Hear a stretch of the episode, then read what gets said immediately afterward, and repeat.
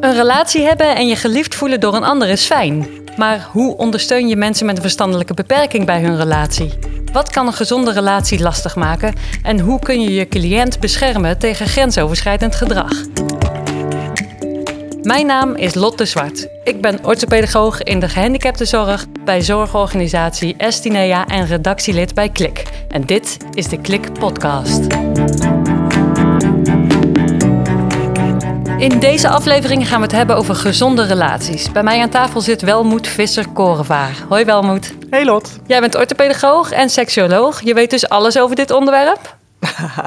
Dat uh, hoop ik, uh, Lot.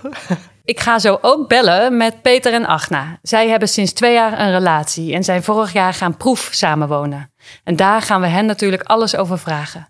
Maar eerst Welmoed. Jij hebt een artikel geschreven voor Klik. Aandacht voor een gezonde relatie. Waarom is het zo belangrijk? Nou, um, relaties en mensen met een verstandelijke beperking, dat is niet per se, uh, zijn niet per se twee thema's die, die altijd samengaan. Want we zien heel vaak dat er wordt gefocust op de risico's, op bescherming, op uh, preventie. En dat leidt er dan toe dat er geen aandacht is voor relaties of dat mensen zich veel zorgen maken over relaties. Uh, die zorgen zijn soms terecht, maar als die zorg uh, eigenlijk doorslaat, dus als je te veel aandacht hebt voor de veiligheidsbril, zoals ik het altijd noem, dan uh, hebben we eigenlijk geen aandacht meer voor wat een relatie kan bieden. Namelijk je geliefd voelen, je gesteund voelen, je prettig voelen, een netwerk opbouwen. Het heeft allerlei voordelen en het doet heel veel met je welzijn, mentaal en fysiek welzijn. En uh, daarom vind ik het zo ontzettend belangrijk om daar uh, gericht aandacht aan te besteden. Ja, hartstikke mooi. Nou, we gaan er zo dieper op in, maar eerst ga ik bellen met Peter en Agna. Peter en Agna kwamen elkaar 25 jaar geleden tegen en bleven vrienden. Twee jaar geleden sloeg de vonk over en Peter en Agna kregen een relatie en wilden ook gaan samenwonen. Peter woont begeleid via zorgorganisatie Frion in Zwolle en Agna bij zorgorganisatie Avelijn in Almelo. Samen met hun begeleiders besloten Peter en Agna dat het een goed idee was om te gaan proef samenwonen bij Peter in Zwolle. Peter. Hi Peter, je spreekt met Lotte Zwart van Klik. Hoi. Hoi, hoi. En is Agna er ook? Ja, Agna is er ook. Vertel eens Peter en Agna natuurlijk. Um, hoe hebben jullie elkaar leren kennen? Wij kennen uh, elkaar van vroeger. Van vroeger, ja, want ik heb uh, vernomen dat jullie elkaar al 25 jaar uh, kennen. Ja, dat klopt. En dat de vonk eigenlijk pas twee jaar geleden is overgeslagen. Dat klopt, helemaal. En hoe is dat zo gekomen? Ja, via Facebook. Dus jullie kenden elkaar via Facebook? Ja, nou, uh, bij Facebook van... heb je zin om een bak koffie te drinken hier in Zwolle. Oké, okay, en toen? Ja, toen is ze niet meer weggegaan. Toen is ze eigenlijk gebleven? Ja. Ach, nou, wat vond jij zo mooi aan Peter? Ja, dat is eigenlijk niet, dat karakter. Hij heeft een mooi karakter. Ja. Oké, okay. en Peter, waarom ben jij verliefd geworden op Agna? Wat is verliefdheid? Uh, verliefd word je niet zomaar. Dat gevoel moet er wezen. En, die, en die, dat gevoel, dat, dat sprong over toen jij Agna voor het eerst zag? Ja, en dat gevoel was er. Dus jullie werden verliefd op elkaar? Ja, met, uh, werden wat vlinders. Ja, vlinders in de buik, ja. En wat hebben jullie verteld tegen jullie begeleiders um, toen jullie verliefd werden op elkaar? Dat, dat alles goed klikte. En hoe werd er gereageerd op jullie klik? Ja, dat we rustig aan moeten doen. Dat werd er als eerste gezegd. Jullie moeten rustig aan doen. Ja. En wat bedoelden ze daarmee? Uh, niet hard van stapel. Niet hard van stapel lopen. Ja, want dat had ik vroeger met mijn relaties wel gedaan. Dan wou ik gelijk uh, samenwonen en doen en uh, de rest omheen. En? Ja, dat gaat niet goed, hè? Nee, dus er werd geadviseerd, doe het rustig aan, niet te hard van stapel. En dan gaat het, uh, is het misschien meer succesvol. Ja. Oké, okay. en hoe lang hebben jullie dan gewacht voordat je ging samenwonen? Uh, dikke jaar. En we hebben twee keer uh, drie maanden proef samengewoond. Oké, okay. en hoe ging dat, dat proef samenwonen? Wel goed. Vertel eens, hoe is het om samen te wonen? Ik heb vroeger al heel lang samen gewoond, dus ik ben elf jaar getrouwd geweest. En ik heb 15 jaar samen gewoond. En hoe is dat voor Agna? Uh, ja, ik heb ook altijd wel samen gewoond, maar dat ging niet altijd goed. Oké, okay, en wat, wat maakte dat het vroeger niet goed ging? Ik denk dat het te snel is gegaan. Ja, jullie hebben er heel bewust voor gekozen om eerst even een jaartje te wachten, een paar keer een paar maanden proef samenwonen. Ja.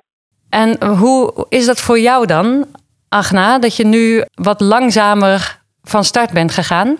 Veel fijner, veel rustiger. En het samenwonen is nu meer een succes. Ja, En hebben jullie daar begeleiding bij gehad, bij het samenwonen? Ja, En wat voor begeleiding is dat dan? praten, gesprekken. Gesprekken met begeleiders. Ja, En zijn jullie ook nog geholpen met hoe het is om een, om een eh, eh, relatie te hebben samen? nee, maar, dat, eh, maar dat is niet nodig. Als je elkaar accepteert wa- wat je met elkaar kan doen. En elkaar los te laten in dingen van elkaar. Zij hebben hobby's, ik heb mijn hobby's. Ik heb mijn hobby's in mijn eigen studio hier, hier thuis.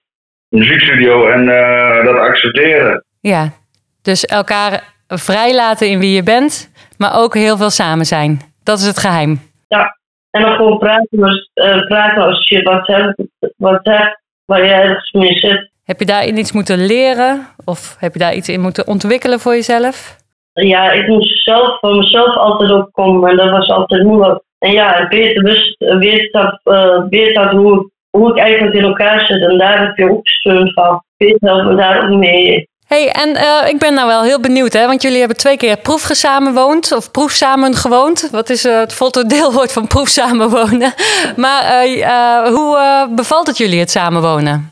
Goed? Heel goed. Zijn jullie nu voor altijd aan het samenwonen of, of is de proefperiode afgelopen? Vertel eens. De proefperiode is afgelopen. We, we wonen nu samen, zeg maar.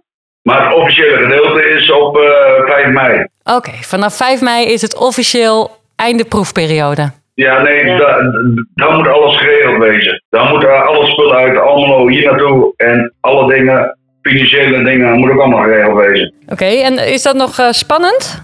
Nee, ik vind dat niet spannend. En jij, Agna? Nee, ik vind het ook niet spannend. Nee, je hebt je leven al wel een beetje opgebouwd in Zwolle. Ja, Oké, hartstikke mooi. Fijn te horen dat, je, dat jullie gelukkig zijn samen. Zeker. En dan wens ik jullie heel veel succes. dankjewel. Dankjewel. Oké, doeg! Doeg. Oké, dit waren Peter en Agna. En zij vertelden over hoe hun begeleiders in de eerste instantie keken naar de risico's. Niet te hard van stapel lopen, rustig aandoen. Dat waren de teksten die zij eerst kregen. Hoe kijk jij hier tegenaan, Welmoed? Ehm, nou, zoals ik eigenlijk ook al een beetje in mijn intro eh, eh, aangaf, hè, aan, het, eh, aan het begin van de podcast, is dat die neiging er is vanuit de omgeving. En op zich is dat ook nog in te voelen dat die neiging er is. Want we weten natuurlijk dat mensen met een verstandelijke beperking zijn kwetsbaar zijn voor seksueel grensoverschrijdend gedrag en misbruik. Dus ik snap, ik snap de neiging om daarop te focussen. Alleen als we seksuele gezondheid willen bevorderen, als we seksueel plezier op de voorgrond willen zetten, dan is het belangrijk dat we met z'n allen gaan kijken naar wat is er nu nodig om je seksueel gezond te ontwikkelen. Wat wil je daar nu eigenlijk in? Wat, wat zijn je wensen? Ehm, waar, waar heb je behoefte aan? Eh, wat is je beleving? Dus dan hebben we het eigenlijk over hele andere thema's. Ja, want mensen met een verstandelijke beperking hebben daar hulp in nodig. Die hebben meer dan de gemiddelde mens hulp nodig of, en begeleiding nodig in wat een gezonde relatie is. Kun je daar eens iets over vertellen? Ja, zeker, zeker. Nou, de, de seksuele ontwikkeling, eh, we weten, die start gewoon als baby al. Ehm, maar door de, de, de problemen, bijvoorbeeld in denken, in taal, hè, dus, dus de cognitieve problemen, maar ook de sociale en emotionele hè, problemen, hè, emotionele ontwikkeling die, die vaak achterblijft eh, of minder goed is uitgekristalliseerd, eh, dat maakt het eigenlijk lastiger om eh, seksualiteit eigenlijk te handelen naar. Hè? Dus om seksualiteit in de praktijk te brengen. En niet alleen seksualiteit, want dan denken we gelijk misschien weer aan alleen maar seks. Maar het gaat ook over intimiteit. Het gaat ook over een relatie eh, krijgen en onderhouden en verdiepen. Hè, dat zijn allemaal thema's die eigenlijk um, um, ja, niet vanzelfsprekend zijn en beïnvloed worden eigenlijk door, ja, door, door de cognitieve problemen, sociale en emotionele problemen. En ik denk dat we daar uh, uh, flink aandacht voor moeten hebben. En ja. Welke hulp en ondersteuning zou je dan adviseren? Nou, ik denk dat het eigenlijk begint, hè, als, we, als we het hebben over, bijvoorbeeld over intimiteit, hè, dus, dus eigenlijk uh, uh, fysiek, uh, niet alleen fysiek, maar ook emotioneel nabij zijn bij de ander, dan gaat het om dat we eerst goed contact met onszelf krijgen, met ons eigen lijf.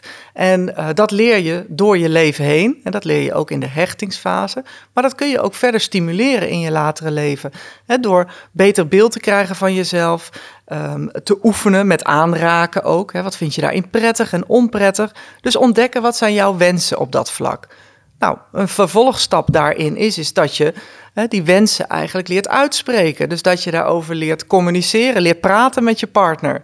Nou, dat, dat is niet altijd even makkelijk. Want, want uh, hoe zeg je dat, wat je prettig vindt in, uh, in de aanraking bijvoorbeeld? Hè, wat daar prettig en onprettig in is. En toch is het belangrijk dat we dat, we dat doen. En, en nou ja, dat daar ondersteuning bij nodig is. Dat is ontzettend belangrijk. En dat kunnen begeleiders kunnen dat prima oppakken. Er zijn ook hele mooie methodieken voor om dat te doen. En toch zijn begeleiders vaak ook een beetje verlegen om dit aan te pakken. Hè? Het is toch een beetje een taboe onderwerp. Ja, ja. Wat, wat adviseer je hen? Ja, nou, ik, ik snap dat ook op zich wel, hè, want, want een, het taboe, het is privé. Hè. Men heeft vaak het idee dat dat, dat te privé is, een, een onderwerp. Um, aan de andere kant, we bespreken ook uh, bijvoorbeeld eten en drinken. En hoe iemand uh, moet, moet leren eten, op een gezonde manier leert eten, voldoende, uh, zonder dat iemand zijn eigen grenzen overgaat. Nou, dat is eigenlijk bij seksualiteit niet anders. Seksuele ontwikkeling, seksualiteit is een van de ontwikkelingstaken. En het hoort eigenlijk gewoon bij je palet te zitten als begeleider om daarover in gesprek te gaan. En dan is het oefenen en het doen van zo'n gesprek, ja, dat is de allerbelangrijkste stap. En dan, dan stap je ook als het ware een stukje over dat taboe heen. Ja, en, en, daar schrijf je alles over in je artikel eigenlijk. Hè? Hoe begeleiders daar um, ja. uh, handvaten in kunnen krijgen. En uh, het onderwerp leren bespreken alsof het eten en drinken is. Ja, ja dat, is, uh, dat is super belangrijk. En dat hoef je niet alleen te doen vanuit je eigen uh, uh, breinhoofd, zeg maar. Uh, maar daar heb je dus allerlei methodieken voor. Bijvoorbeeld de methodiek Ik en de Ander. Prachtige methodiek van Cerelo. Of de methodiek Lief, Lijf en Leven van de Klos TV. Dat geeft allerlei mooi beeldmateriaal waar je het kunt hebben over wat vriendschap, relatie, verliefdheid is. Maar ook hoe alles heet aan je eigen lijf. En wat je daarin prettig en onprettig vindt hè, om aangeraakt te worden. Maar ook hoe je seksualiteit met je partner kunt beleven. of dat nou een partner van hetzelfde geslacht is of van het andere geslacht. Uh, het is belangrijk om bij dat soort thema's eh, met elkaar stil te staan. Oké, daar lezen we dus alles over in De Klik. Top. Hartstikke leuk. Dankjewel voor het interview. Dankjewel, Lot. Oké, nou hiermee zijn we aan het einde gekomen van deze podcast. Op onze website klik.org vind je uiteraard het artikel van Welmoed, het verhaal van Peter en Agna en natuurlijk nog veel meer. Abonneer je op de Klik podcast om op de hoogte te blijven van nieuwe afleveringen en vergeet niet om een review achter te laten via je favoriete podcast app. Je kunt ook je ideeën en reactie mailen naar redactie.klik.org, want wij zijn natuurlijk heel benieuwd wat jij ervan vindt. Bedankt voor het luisteren en graag tot de volgende keer.